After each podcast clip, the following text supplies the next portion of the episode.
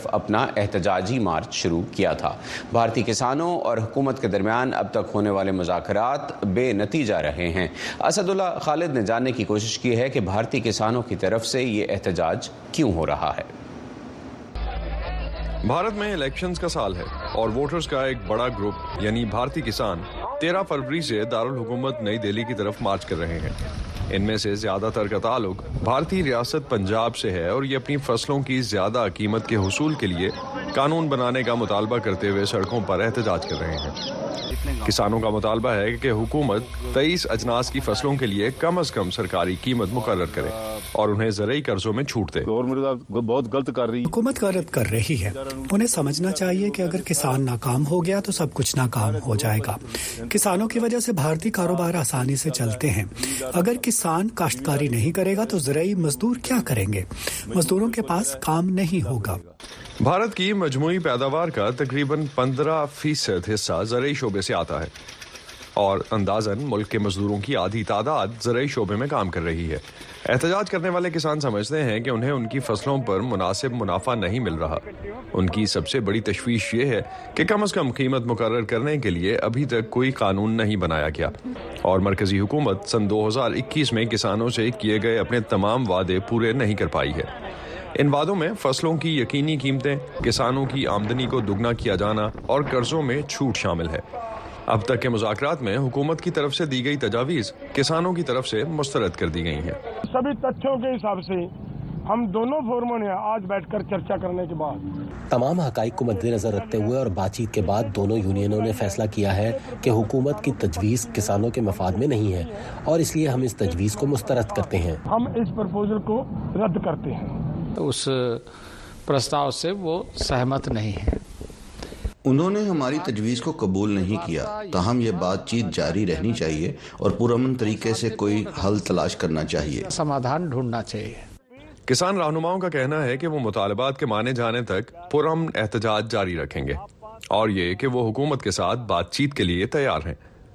دو ہزار بیس اور اکیس میں کسانوں نے متنازع زرعی اصلاحات کے قانون کے خلاف احتجاج کرتے ہوئے دلی کے مضافات میں ایک سال سے زیادہ عرصے تک ڈیرے ڈالے رکھے تھے اس احتجاج کے نتیجے میں دو ہزار اکیس میں وزیر اعظم نریندر مودی نے ان زرعی قوانین کو واپس لے لیا تھا جنہیں کسان اپنی آمدنی کے لیے نقصان دہ سمجھتے ہیں اسد اللہ خالد وائس آف امریکہ واشنگٹن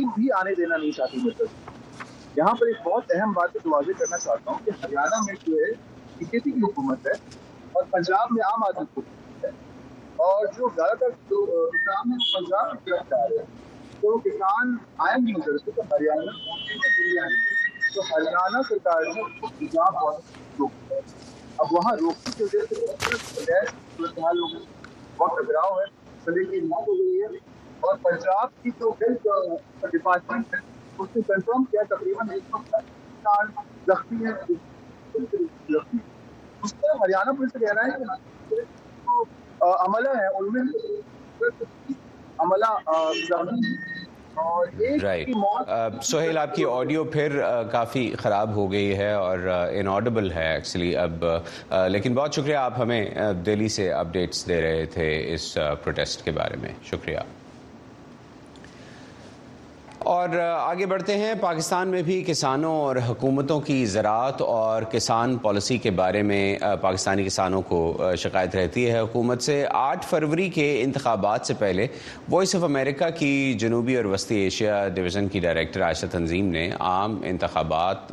سے پہلے پاکستان میں چند کسانوں سے بات کی تھی اور ان سے پوچھا تھا کہ ان کے کیا مسائل ہیں جنہیں وہ چاہتے ہیں کہ اگلی حکومت اور ان کے نمائندے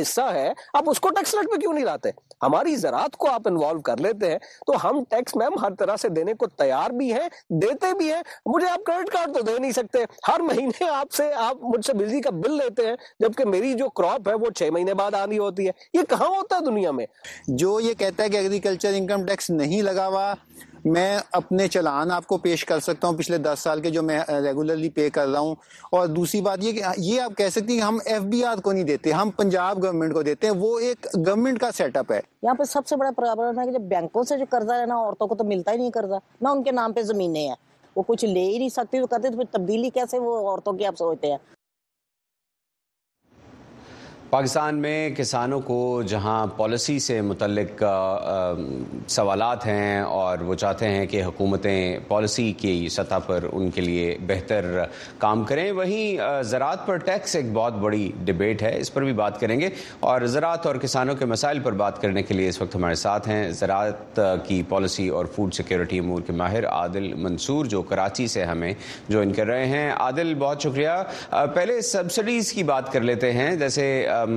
ہم نے مختلف کسانوں سے پاکستان میں بات کی تو انہوں نے کہا کہ ہمیں ہماری حکومتیں ویسی سبسڈیز نہیں دیتی جیسی دنیا کے باقی ملکوں میں اور خطے کے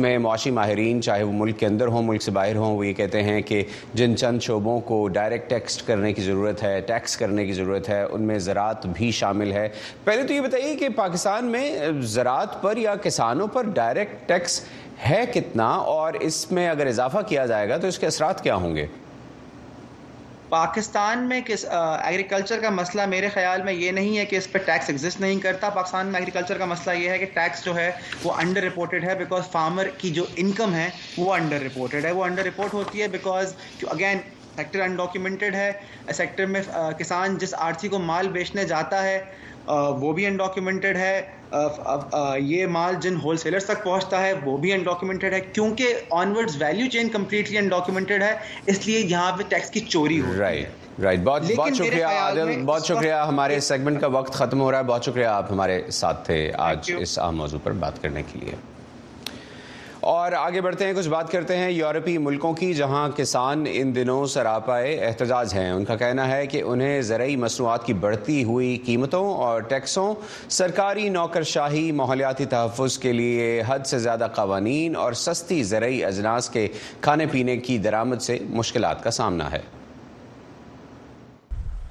مشرقی یورپ میں احتجاج کرنے والے کسانوں کو شکایت ہے کہ یوکرین سے زرعی مصنوعات کی درآمدات پر ڈیوٹیز کی معطلی کی وجہ سے منڈی میں ان کے لیے ایک غیر منصفانہ مقابلہ پیدا ہوا ہے یورپی یونین نے یوکرین پر روسی حملے کے بعد سے یوکرین کی زرعی مصنوعات پر ڈیوٹیز معاف کر رکھی ہیں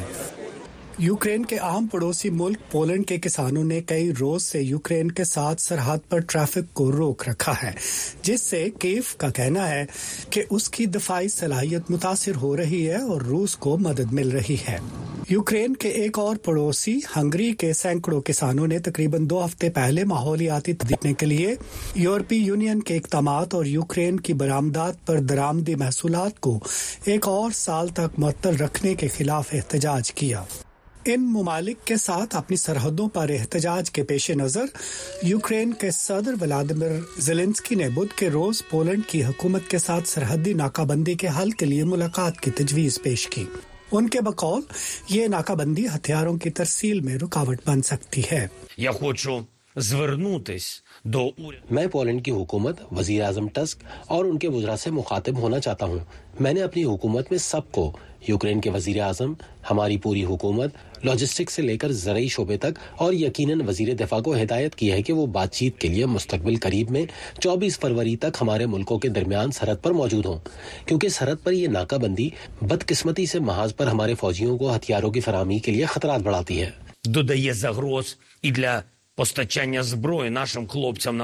پولش کسانوں نے یوکرین کے ٹرکوں کو اپنے ملک میں داخل ہونے سے روک رکھا ہے ان کے مطابق یوکرین سے سستی درآمدات کی وجہ سے منڈی میں غیر منصفانہ مقابلے کی فضا پیدا ہوئی ہے پولینڈ کے کسانوں کے اقدامات سے کیف ناراض ہے اور ہمسایہ اتحادیوں کے درمیان دوبارہ تناؤ پیدا ہو گیا ہے سرحد کی دوسری طرف یوکرین کے ٹرک ڈرائیور پولش کسانوں کی طرف سے یوکرین کے ٹرکوں کو اپنے ملک میں داخل ہونے سے روکنے پر سراپا احتجاج ہیں پولینڈ کے لوگ جو چاہیں کرتے رہیں جو کچھ ان کے دماغ میں آئے اس لیے ہم نے کچھ عرصے کے لیے ہڑتال کرنے کا فیصلہ کیا تاکہ حالات کچھ بدلیں وہ اچھے لوگ ہیں ایسا نہیں ہونا چاہیے ہمارا تو خیال تھا ہم دشمن نہیں ہیں لیکن اب لگتا ہے کہ ہم ہیں پولینڈ یوکرین کی سرحد سے دور سینکڑوں کسانوں نے بدھ کے روز اپنے ٹریکٹر اسپین کے شہر میڈریڈ میں لا کھڑے کیے وہ یورپی یونین اور مقامی زرعی پالیسیوں کے خلاف جاری مظاہروں اور پیداواری لاگت میں اضافے کو کم کرنے کے لیے اقدامات کا مطالبہ کر رہے ہیں ہسپانوی کسانوں نے شکایت کی ہے کہ یورپی یونین کی انتظامیہ نے دم گھٹنے والی بیروکرسی تشکیل دے رکھی ہے جو ان کی زرعی مصنوعات کے منافع کو کم کرتی ہے دیہی صنعت پر گزارا کرنا ناممکن ہے جبکہ ہم چاہتے ہیں کہ اپنے کام پر زندگی گزارنے کے قابل ہوں ہم بس یہی مانگتے ہیں کسانوں کو شکایت ہے کہ ماحولیات اور دیگر معاملات سے متعلق یورپی یونین کی پالیسیاں مالی بوجھ ہیں اور ان کی مصنوعات یورپی یونین سے باہر دوسرے ممالک کی درآمدات سے زیادہ مہنگی ہیں اسپین اور یورپی کمیشن نے حالیہ ہفتوں میں کچھ رعایتیں دی ہیں لیکن کسانوں کا کہنا ہے کہ وہ ناکافی ہیں اسی طرح گزشتہ روز یونان کے کسان تقریباً دو سو ٹریکٹروں پر سوار ہو کر دارالحکومت ایتھنس پہنچے اور حکومت سے مالی امداد کا مطالبہ کیا کیونکہ ان کے لیے مہنگائی کے باعث زندگی گزارنا مشکل ہو گیا ہے یورپی کسان دو ہزار تیئیس کے سیلاب میں فصلوں کے نقصان اور مویشیوں کے ضائع ہونے کے لیے چھوٹ اور معاوضے کا مطالبہ کر رہے ہیں وہ ڈیزل پر ٹیکس اور بجلی کے بلوں میں اضافے کے خلاف احتجاج کر رہے ہیں فرانسیسی کسانوں نے بھی حالیہ ہفتوں میں ضرورت سے زیادہ قواعد و ضوابط خصوصاً یورپی یونین کی جانب سے قوانین کے خلاف احتجاج کیا ہے مسئلہ یورپی یونین کے نئے سبسڈی سے متعلق قوانین ہیں جیسے کہ ایک خاص مدت کے لیے زیر کاشت چار فیصد زمین کو استعمال نہ کرنا وہ نوکر شاہی کی بھی مذمت کرتے ہیں جس کے بارے میں فرانسیسی کسان کہتے ہیں کہ اس سے عمل درآمد کو زیادہ پیچیدہ بنا دیا ہے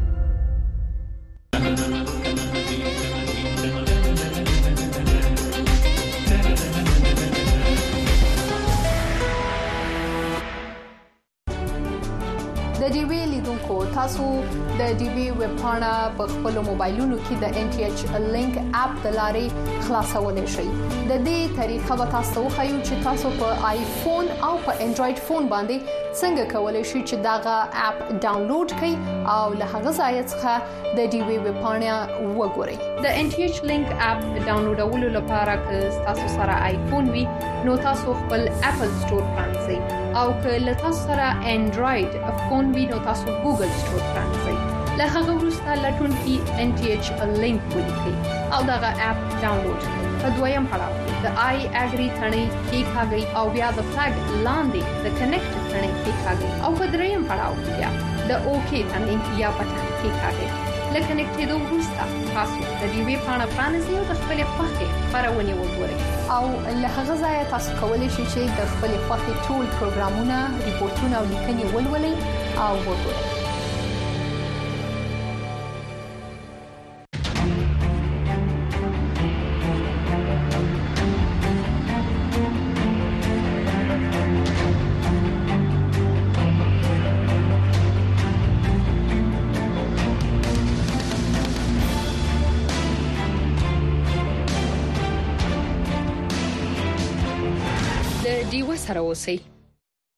د بدلون په وخت کې کله چې نړۍ د غیر یقیني سره مخامخ کاری او کله چې موږ ساورو هغه هغه شان نه ښکاری چې څنګه یې وینو موږ د اړتیا ولټون کوو موږ ته چې کله نیمګړی قصه ویل کیږي موږ پر باور بیلو د کڑکېچ په شیبو کې زموږ خوبونه امیدونه او د غوړه سباوند لپاره زموږ ارزوګانې آزادې میډیا ته اړتیا لري په وایس اف امریکا کې مونږ تاسو ته داسې خبرونه راوړو چې د قتل لپاره خلک د خطر سره مخامخ کوي مونږ نړۍ سره یو ځای کوو او اړتیا سره پیوست کوو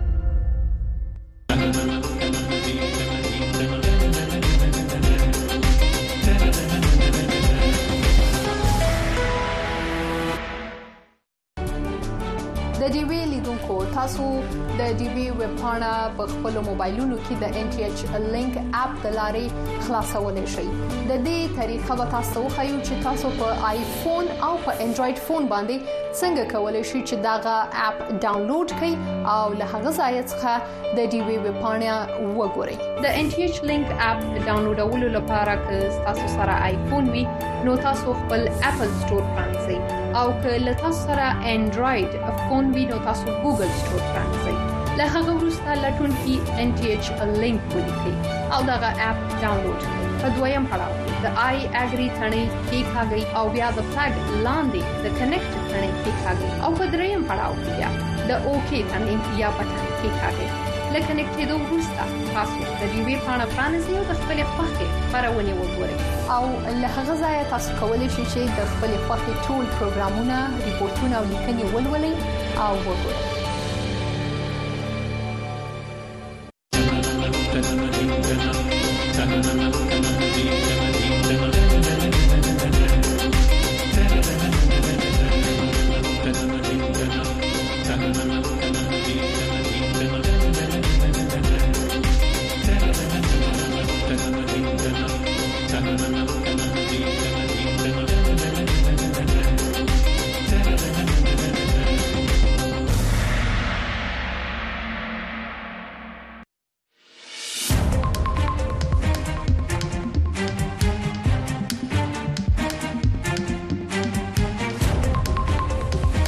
امریکا غږ آشنا تلویزیون د نن شپې د خبرونو سرټکی د طالبانو لخوا په عام محضر کې د دوو تنو اعدام دا دوه تنه چې په وژنې تورن وو نن پنځمه د غزنی د فوتبال په یو لوبغالي کې اعدام شوی د اوکراین سره د ملاتړ لپاره د کانګرس په جمهور غوښتونکو فشار تاسو ښکاري چې دا فشار د روسیې د مخالف مشر الکسي نوالني تر مړینې وروسته زیات شوی دی او د سری میاشتې لخوا د پکتیکا د زلزلې ځپلو سره مرسته د ګیان ولسوالۍ اوسیدونکو وایي چې تر نږدې یو نیم کال ځن روسته اوس هم په لوی شمیر زلزلې ځپلي بې کوره پاتې دي هله دا د خبرونه تر پای موږ سره اوسئ قدرمن لیدونکو سلام نن پنځشنبه ده د کب دریمه نیټه او د 2023م کال د فبرवरी 22مه زه خایسته سعادت لامیمه د خبرونې قدرمنې میلمنې د میرمنو د حقوقو فعال میرمن محبوبه سراج سره د افغانو میرمنو په تړاو د ملګر ملتونو د بشري حقوقو شورا د کارپوهانو په خبرداري باندې بحث کو زموږ همکار خدای نور نصر هم د سیمې خبرونه وړاندې کوي له تاسو نه په مننې قدرمنو لیدونکو نه هم هیله ده چې موږ سره مل ووسی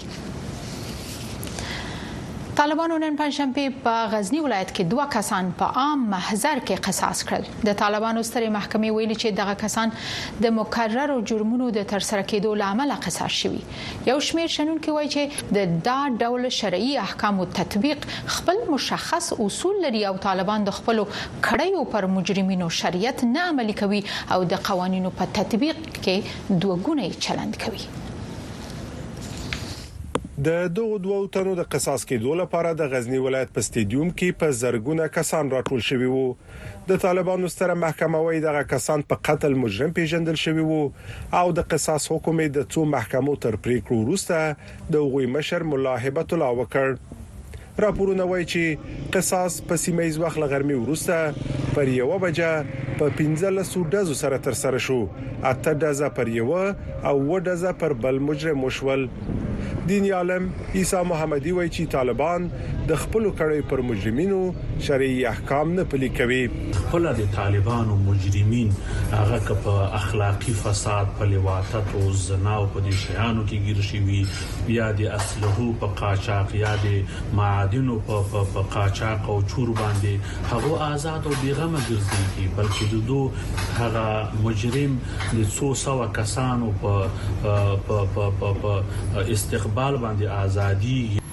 دا په دوه زره او یوویشتم کال کې واک ته د طالبانو تر رسیدو وروسته درېیم او څلورم ځل دی چې په عام محضر او د خلکو په مخ کې د قصاص حکم عملي کیږي.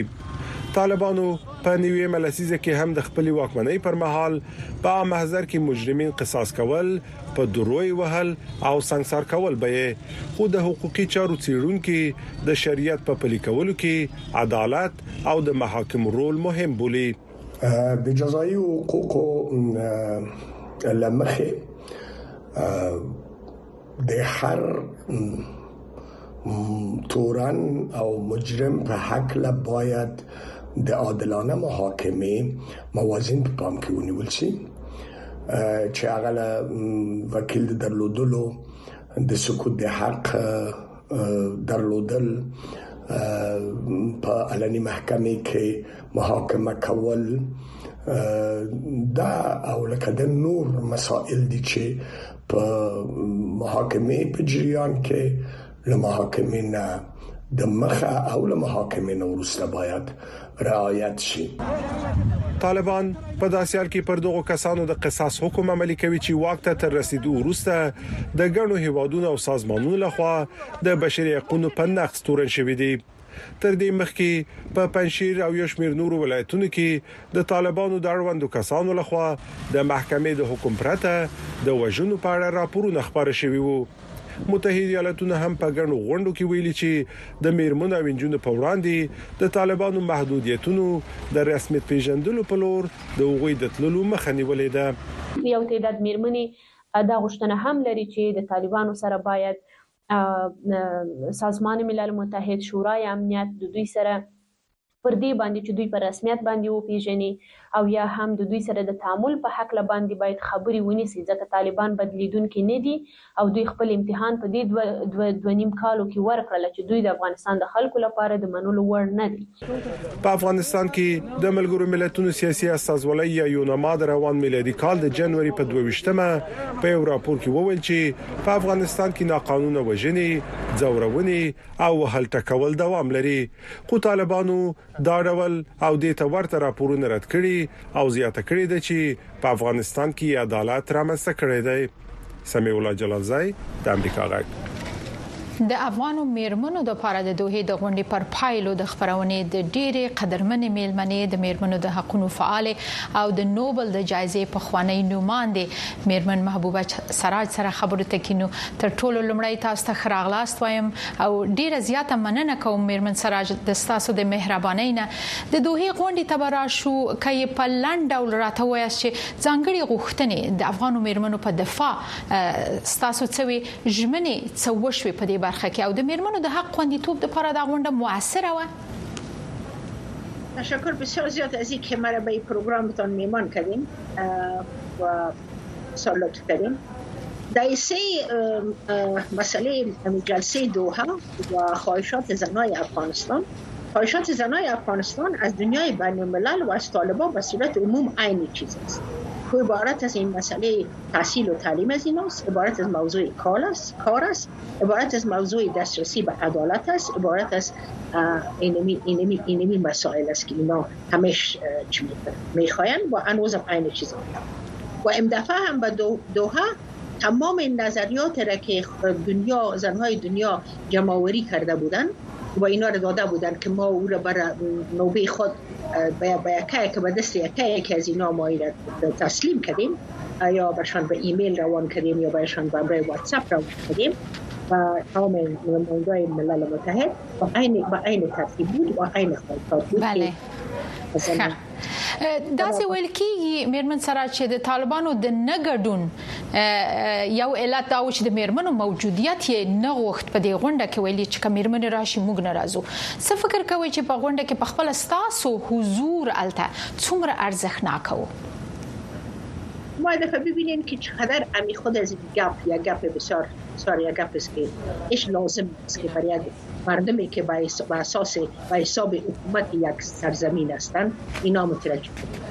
جامعه مدنی افغانستان باید نباشد دامن جلسه هیچ مانا جامعه مدنی افغانستان دامن افغانستان بوده جامعه مدنی افغانستان انشالله در افغانستان خواهد بود و دامن جامعه مدنی افغانستان زنهای افغان بله. ما زن 20 میلیون نفوس از این مملکت هستیم و ما هستیم و ما انشالله باقی خواهیم ماند و با باز هم مایسه خود میگیریم به هر اسباب ډیر ښه په دې وروستیو کې میرمن سراج زنو په دې غونډه کې ستاسو پر ګډون نیوکه کړې ده شکایت کړې ده چې ولې میرمن سراج ورځي په خو هم د طالبانو سره ستاسو په کتنو نیوکه شوی ستاسو موقف محافظه کارانه بلل شوی دی چې په طالبانو له نیوکو هم کله وارې مخنیوی کوي ډډه کوي ستاسو غبرګون د دې نیوکو په وړاندې څه دی ای به هیڅ صورت و میفهم که مردم به بازشان است در کسایی که چی میگن به بله. گرفته این مسائل اینا اصلا نمیخواین که مرا ببینن مگر جانم زن افغان هستم مئی وظیفه مس ما از 20 سالم زیاتر برای زن و دختر افغانستان کار کردیم امروز چیز زن و دختر افغانستان که امروز میبینیم اونا به یک جای رسیدن و شکر گپ میزنن و شکر قصه میگیرن و شکر نظریات خود اجرا میکنن امیر چی فکر میکنی کندان زن چی وقت به شروع تمام از این مسائل از سال 2003 به این طرف در پشت سر از اینا بوده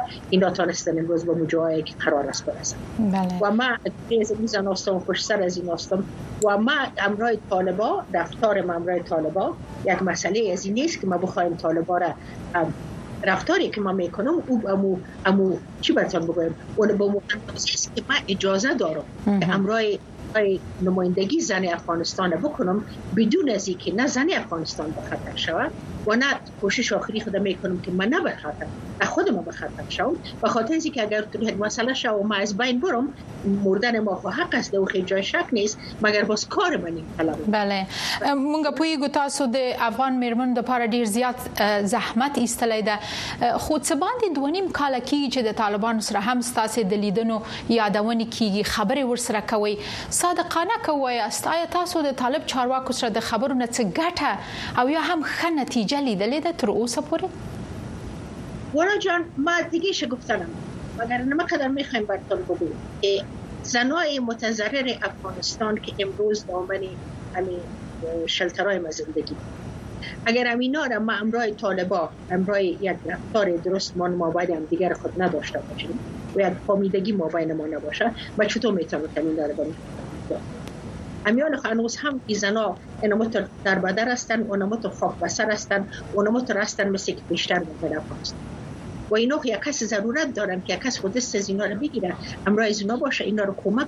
بله و مې بالکل میرمن سراج وخت ډیر کم دی یو بل مهمه پوښتنه لرم د ملګرو ملتونو د بشري حقوقو شورا کارپوهانو د بشریت په وړاندې د جرمونو د مخنیوي او ورته د سزا ورکولو د مسودې په دویمه ماده کې د جنسیت پر بنسټ تبعیض د بشریت ضد جرم په توګه د ځای ورکولو غوښتنه کړې د ملګرو ملتونو د عمومي غونډې د شپږمې کمیټې لخوا تر غور لاندې هم د دا مسله کدا تصویب شي د افغانو میرمنو لپاره به څه معنا ولري؟ جان ما به صورت عموم بز حالت زندگی زنای افغانستان کدام تاثیر به خصوص نمی کنه به غیر از که به می حالت ها داد از اینا بالاخره به یک دادگاه می رسه که صدا از اینا میشه بله. برای از که امرال حاضر صدا از اینا شنیده نمیشه چون صدا از اینا شنیده نمیشه پس پایشات ما این که از دنیای بین ملل که کار کنن که صدای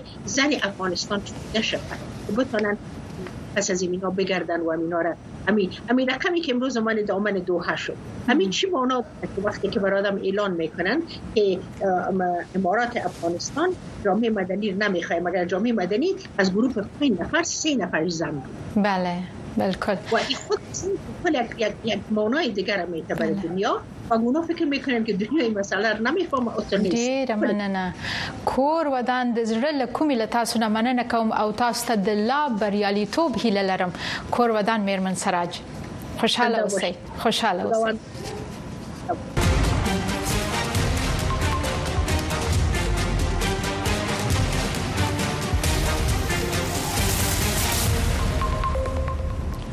نړیوالو خبرونو ته راځو د الاقصا شهیدانو د روغتون د چارواکو په وینا پرون د جنو فلسطینی قربانیانو خپل خپلوانو په دیر البلح کې د روغتون څخه بهر د څلويختو څخه د زیات وژل شوی ملکیانو لپاره د جنازې منځونه ادا کړل چې د اسرایل په څو هوایي بریدونو کې وژل شوی په وژل شوی کې 14 ماشومان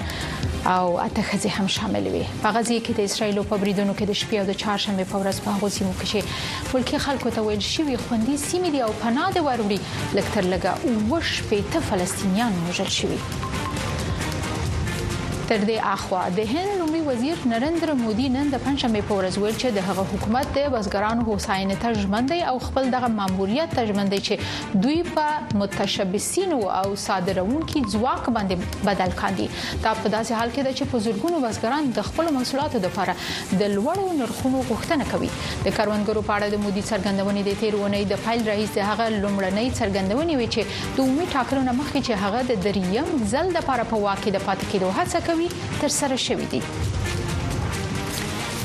بل پلو د متحده ایالاتو د استازو جرګې د چین د چارو کمیټې رئیس مایک ګالګر چې تایوان ته په سفر تللی وایي له دغه خپلواک ټاپو څخه د امریکا په کانګرس کې ملاتړ خورا پیاوړی دی ګالاګر د هغه پنځه کسیز پلاوي مشري کوي چې د پنځشنبې په ورځ یې د تایوان له ولسمشر څای انګوین او مرستیال ولسمشر لای چینګ تی سره وکتل متحده ایالات د تایوان تر ټولو مهم متحد بلل کیږي او دا ټاپو د هغو مسایلو په سر کې راځي چې د چین او امریکا ترمنځ د تاوتریخوالي لامل شوي دي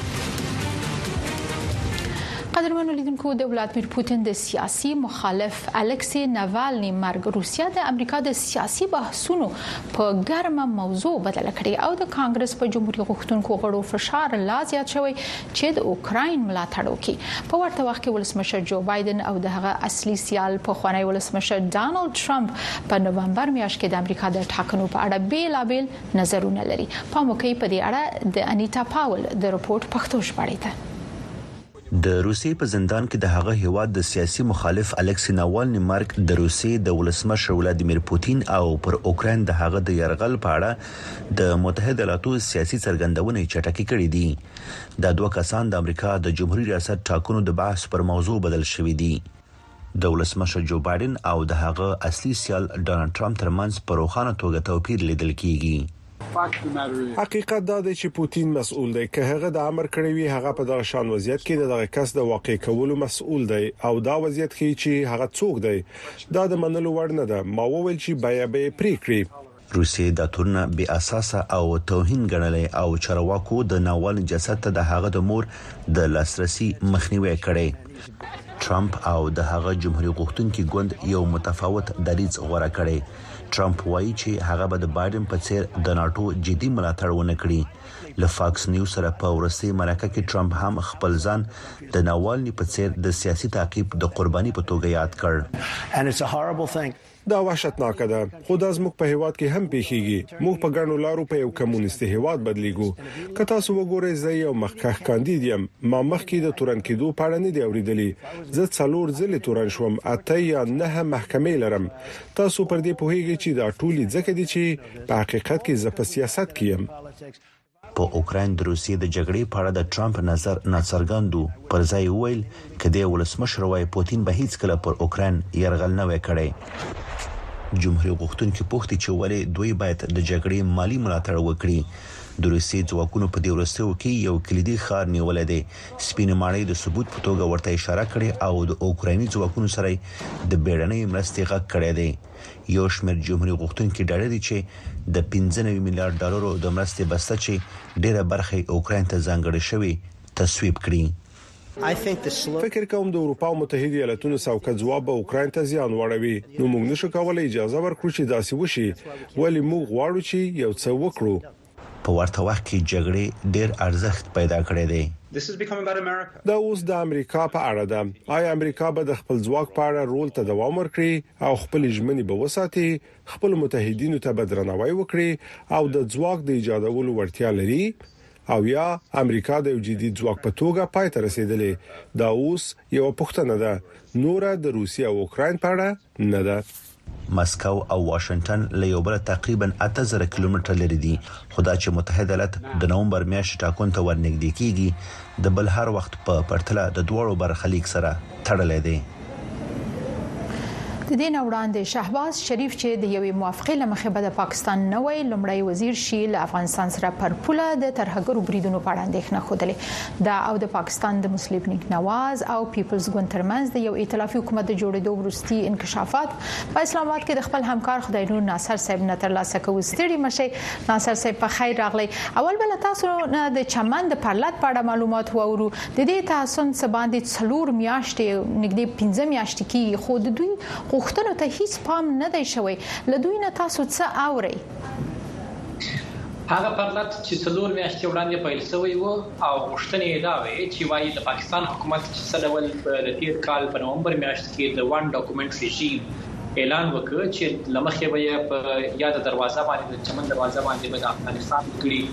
په افغان تذکرې باندې نه راپرېږدي او پاسپورت او ویزې به وي او همدغسې به د پاکستان خلک هم هغه اړې ته په ویزې او پاسپورت باندې ځي د دې پر ضد باندې دغه پرلت پیل شوی و او لا هم هغه پرلت روان دی. اوس د تیرو دوه ورځو راهیسې دغه راپورونه دي چې د پرلت یو شمیر مشران پولیسو نیولي دي ځای پولیسو او هلته خو د هغوی پرلت لا هم روان دی او غوښتنې لا هم همغه دي چې څلور میاشتې وړاندې یې وي چې وایي دوی د پاکستان دغه نوې تګلاره نه مني او دوی دي د پخوا په څیر په پاکستاني پیژندپاڼه باندې د پاکستانیان د دې خوا پرېږدي او افغانان دي د افغانستان په تذکره باندې د هغې غاړې افغانستان پاکستان ته راپرېږدي خاینې د خپل او د دې پرلت ته تر اوسه پورې د حکومت لوري ان قدم روایم چې خبرې را نه دي ورسره سره په وروستیو کې د ځینې هڅې سره وي او تر هغه وروسته بیا د حکومت لوري هیڅ څوک هم نه دی ورغلي د دوی پرلت احتجاج لا هم روان ښه بالکل دوی او د خپل غوښتنو نم نه پشا کیږي د ائتلافي حکومت تشکیل ته براشو شهباز شریف وایي چې پاکستان کې ژوند په پور او قرض مختزي او د فرانس پریس په قول زرداری د لسلنې په نوم شهرت لري ځکه د تړونونو نه به 10% رشوت غوښت خلک څه وایي دوی د راتلونکي حکومت نه څه هیله لري او څومره هیله مند دي چې دا به یو غوره حکومت وي تر کومه ځایه چې د دوی د لاسته راوړلې څوکۍ دي یا د دوی چې کوم څومره څوکۍ په پارلمان کې اخیستې دي، په هغه کې دا وېره څرګندېږي چې دا به د نور کله په څېر، د نور کله غوندې بلکې یو کمزوری حکومت ځکه وي چې دا به د دوو، درو یا څلورو ګوندونو یو ائتلافي حکومت وي. د پاکستان په سیاست کې موږ په تېرو کلونو کې کتلي دي چې هر وخت چې دغه ډول کمزوری حکومت وي، د بېل بېل ګوندونو جوړ حکومت وي، نو هغه بیا، د حکومت په اوږدو کې د هر ګوند خپلې ګټې وي او هغه بیا خپلې ګټې رامخته کړي چې په هغه باندې بیا د ګوندونو ترمنځ د ائتلاف د کې د ګډو ګوندونو ترمنځ چلېدل ګران شي نو ځکه هم اوس هم خلک په دې باور دي چې دا که څه هم هیڅ یوه ګوند هم دومره زیاتې څوکۍ نه دي ترلاسه کړې د پاکستان په مرکزي پارلمان کې چې هغه په خپل سر باندې یوازې په یو ګوند باندې حکومت جوړ کړي نو دا به یو ائتلافي حکومت وي او ائتلافي حکومت نور کله هم ډیر کمزوری وو اوس په لږ نور ځکه کمزوری وي چې دا وخت چې کوم اقتصادي سیاسي او د ګاونډیو سره حالات څنګه د پاکستان دي هغه کې به شاید دوی ته مشکلات یا ستونزې تر نور کله څو چنده زیاتې وي نن هم دوه سیاستوالو بیل به بیانونه راغلي دي چې یو هم مذهب پال سیاستوال دی مولانا فضل الرحمن هغه خبرې غونډه په اسلام آباد کې وکړه او هغه ورې بیا او څه اشاره ډېرې سختې نیوکې وکړې چې وايي درغلي شوې ده په دې ټاکنو کې او وايي د پاکستان د فضا بیا کتنه تاریخ کې دغه تر ټولې بدې ټاکنې وي بلې خوا ته د عمران خان له خوا یو بیان راغلی دی چې هغه وايي دوی به آی ایم ایف یا د پیسو نړیوالو صندوق ته لیک لیکي چې وايي پاکستان ته نور پور ور نه کړي ځکه چې پاکستان کې د دوه ټکیو پاکي او رڼې ټاکنې نه دي کور ودان ډیره زیاته مننه کوم له تاسو نه ناصر صاحب بریالي اوسئ د پیښور ځایي محکمې د یو شمیر هغو افغانو کډوالو اندېښنې اوریدلې چې وایي د جنسیت له امله افغانستان ته ستنول د خطر او چاپیریالي ستونزو سره مخامخ وي په دې اړه به رپورت وګورو دا هوریه ده خو کورنۍ نوم یې انور دی هوریه د نورو نرخزیانو په پرتله د خپلې کورنۍ ملاتړ لري هغه د څلورو میاشتو راهیسې پېښور کې ژوند کوي. وايي، د ننګرهار د یو روغتون د معلوماتو په څانګه کې یې دنده درلوده، خو د خوندیتوب احساس یې نه کاوه او کډوالۍ ته اړه شوه. په فیملي کې ټول شپږ خویندې، درې ورونه یو. هلته افغانستان کې خو مسلې هم په جمهوریت کې مونږ ته وې. مونږ لپاره قانوني حق نه و د ترانسجنډر لپاره خواجه سراو لپاره او طالبان کې هم طالبانو ګورنمنټ کې هغه د وومن رائټ بیخي نه اټینډ کوي یعنی هغه لپاره خپل رائټ نشته د ایجوکیشن حواله سره او د جاب حواله سره نو خواجه سره او ترانسجندر لپاره خو بیخي هغه ته داسې ښکاری لکه یو ګناه یو ساين ښکاری ورته شل کلنه حوریه وایي د پولیسو له ویرې یې ځان محدود کړي خو د پیښور د عالی محکمې له لوري د شوی پریکړې څخه خوښه ده ما خپله ځان محدود کړی د همدې له خاطره چې ونه وژل شم اذیت نشم شکنجه نشم د خلکو له خوا نه د همدې لپاره ما ځان محدود کړی دی او دلته خو هیڅ څوک خوندې نه دی د زمونږ د کمیونټي د غړي نه کده پاکستان خواجه سره وي کده افغانستان د دواړه دلته سیف نه دي بل دا چې زمونږ نن کیس په پېښور های کورټ کې نو دغه امیدواریا نشته دی امید لرم دعا ورته کوم چې ان شاء الله دا کار مو شي او خپل راتلونکي د یو انسان په شکل دی او خو با تعلیم یافته ترانسجندر په شکل باندې وینم چې ان شاء الله د دې پاکستان څخه به وزم د مفکورې مرکز مشر او د یو شمیر ځای نرخزیانو له لوري د افغان نرخزیانو د خوندیتوب لپاره د دایري شوی غوښتنې لپاره د پیښور محکمې اوریدنه کړې چې د افغان نرخزیانو ژوند افغانستان کې د خطر سره مخ دی نو دوی دی باید په زوره بیرته وانستول شي. زمونږ غوښتنه دا ده چې په دې کې کوم خلک دلته کې اوسېدل شي هغه دلته کې اوسېږي چې کوم خلکو د بار ملکونو کې سونه دي چې هغه د نیچار باندې د شارت باندې د حکومت لخوا باندې د داخله وزارت په خونه باندې باندې موږ چې هغه د کلوک نشي واپس افغانستان ته د دوی بوتل د دوی لګل دا هیڅ کله اپشن نه دی او بل په دې باندې د پاکستان په نړیواله ټولنه کې بدنامي هم کیږي د دې خلکو ژوند ته نه خپنه غوندل ته دړه کړه د دې قضیه مدافع وکیل وایي د قانون له لوري هیڅوک هم دوی له دې هواده په زور نشي وستلای دا ټول تقریبا ولس افغان ترانسجندر دي باندې کې درې داسې چې هغه سره خپل ویزا او خپل پاسپورت لري هغه نه علاوه چې کوم دی هغه خپل ډاکومېنټ نشته سیمبل د یونیسر هغه رجسټریشن کارت سره دی هغه رجسټریشن ټوکن دی چونکه دا رجسټریشن ټوکن باقاعده د اګریمنت مطابق یو رجسټر ډاکومېنټ تصور کیږي لہذا موږ دا وی چې د دې د سکرینینګ د ویریفیکیشن کنفرمیشن هغه پروسه کنټینیو وي یو سیاسي تکاټ ملاو شي هغه پراپر ګورنمنت ته قانوني ست ورکړي چې په اګریمنت کې لیکلي دي چې دې سپتنګ نه کې او دا پاکستان کې وګڼل شي چې دا یو رجسټرډ افغان سټیزن دی د را رسیدلو معلوماتو لمخې دا مهال درې سلوي افغان نرخزیان په پیښور کې ژوند کوي او څه موده وړاندې د غزاله او عبیده په نوم دوه افغان نرخزیان د نامعلومو وسلوالو لوري وژل شوي وو مسکا صاحب امریکا غږ پیښور په پکتیکا کې به د سری میاشتې د خیریه موسسې لخوا د زلزلې ځپلو سره د مرستو په لړ کې د وی کور شوې لپاره د نویو کورونو پرويش مهم رپورت ووري خو لمړی لنډه دمه اخلو دیش دقیقې د افغانستان او نړۍ په تړاو د اونۍ پر مهمو پیښو رپورټونو او مرکو زغلند نظر هر جمعه د افغانستان په وخت د ماخام د 2 بجو نه تر 9 مو پورې او د واشنگټن په وخت د سهار د 10 نیمو نه تر 11 پورې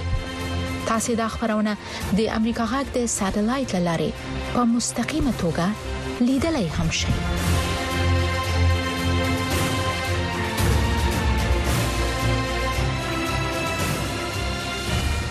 هیله ده چې دا خپرونې وګورئ خو د ژمنې سره سم د پکتیکا د ګیان ولسوالۍ زلزله ځپلو ته د یو سلو نه دون نوي کورونه جوړ او د سری میاشتې لخوا دوی ته سپارل شوې دي د ګیان ولسوالۍ اوسیدونکو وایي چې تر نږدې یو نیم کال ځن وروسته اوسم په لوی شمیر زلزله ځپلي بې کور دي او مرستو ته اړتیا لري د سری میاشتې اداري مسولین وایي چې دوی د راستنیدونکو افغانانو په مرستو هم بوخت دي خو ژمنه کوي چې په نږدې راتلونکي به پرتې ستونزې هم حل کاندي نور حال د شمس آریان پر رپورت کې د پکتیکا ولایت زلزله ځپلو ته تر نږدې یو نیم کال ځنډ وروسته د افغاني سرې میاشتې له لوري یو سل دوه نوي کورونه جوړ او زلزله ځپلو ته وسپارل شول پر دغو یو سلو نوي کورونو چې نږدې اته څلوېښت میلیونه افغانۍ لګښت راغلی دی، د سیمې اوسېدونکي اوس هم له ګڼو ستونزو شکایت کوي. دغه اوسېدونکي وايي چې حتی اوبو ته هم لاسرسی نه لري. تقیم چې جوړ شو دا ته خو ډېر خوښ یي، خو پوتې ډېر دي، کیرینه پوتې ډېر دي، هیڅ می خپل په شخصي په دا کیر کې نه پامیلای، په نه پامیلي کې دوه په میلیونه جوړ شوي دي، نېر پوتې دي. ډېر سخت ضرورت دی، د هر کور نلکه نشته او با میخ ته ضرورت ده هر گن خلته د سړک کیسه دو سړک کې میخ سر نه سړک شته نه چې څرګه وروشي میخ سړک بند دی سړک میخ ته ډیر ضرورت دی مشکل دی ډیر ورته د تیر کال په زلزله کې د ګیان ولسوالۍ د اوسیدونکو د کورونو ترڅنګ روغتونونه او کلینیکونه هم د مځکې سره خاورې سول. د دغه سیمې اوسیدونکي وایي د کورونو سره هم مهاله باید ورته د کلینیک غم هم وخوړل سي. ومیږو دا غوړي چې د یو کلینیک د سری میاشتې زرو د خال ته جوړ شي ځکه چې د مخال کې مشکلات زیات دي او د لیارې کچا دي چې یو مریض غا تر سوي بیا ډیر زیات مشکل به تر سوي په لیاره کې صابر کو د لیارې د واجنه چې لیاره ډیره خرابه بل لورته د سری میاشتې چارواکي وایي چې په ګیان ولسوالۍ کې د کورونو د جوړولو ترڅنګ دوی د راستنیدونکو هیوادوالو ته هم مرستې رسوي دغه چارواکي که څه هم د پکتیکا د اوسېدونکو ستونزې پر ځای ګڼي، خو په خبره یې چې د کلینیک ترڅنګ به د نورو کورونو د جوړولو چارو ته هم دوام ورکوي. خپلو امکاناتو ته په کتو سره البته که امکانات وو نو امکانات دي به همدغه خلکو لپاره سي د تکالیف او ستونزو سره مخ دي ان شاء الله غل تاسو نه سپمو خو دا دوه ستونزې په خپل مخه کې لرو د هرات زلزلہ او د مهاجرینو اجباري اخراج او پاتې شو د کلینیک موضوع ان شاء الله زه به دا د عمومي رئیس سره د رهبرۍ سره شریک کړم هغه به په دې باندې غور وکړي امید ته سي الله تبارک وتعالى په دې مورد کې موږ او تاسو سره مرسته وکړي او کوشش وکړو چې دا کلینیک په دې ځای کې جوړ شي د ګیان ولسوالۍ دغه زلزله ځپلو ته د کورونو د جوړېدو ترڅنګ د ځینو مرستندوی ادارو له لوري نغدي مرستې هم ورکړل شوې دي خو د سیمې د اوسیدونکو په خبره چې اوس هم په سلګونو کورنۍ د مرستو په هیله شپې سبا کوي شمساریان امریکا غږ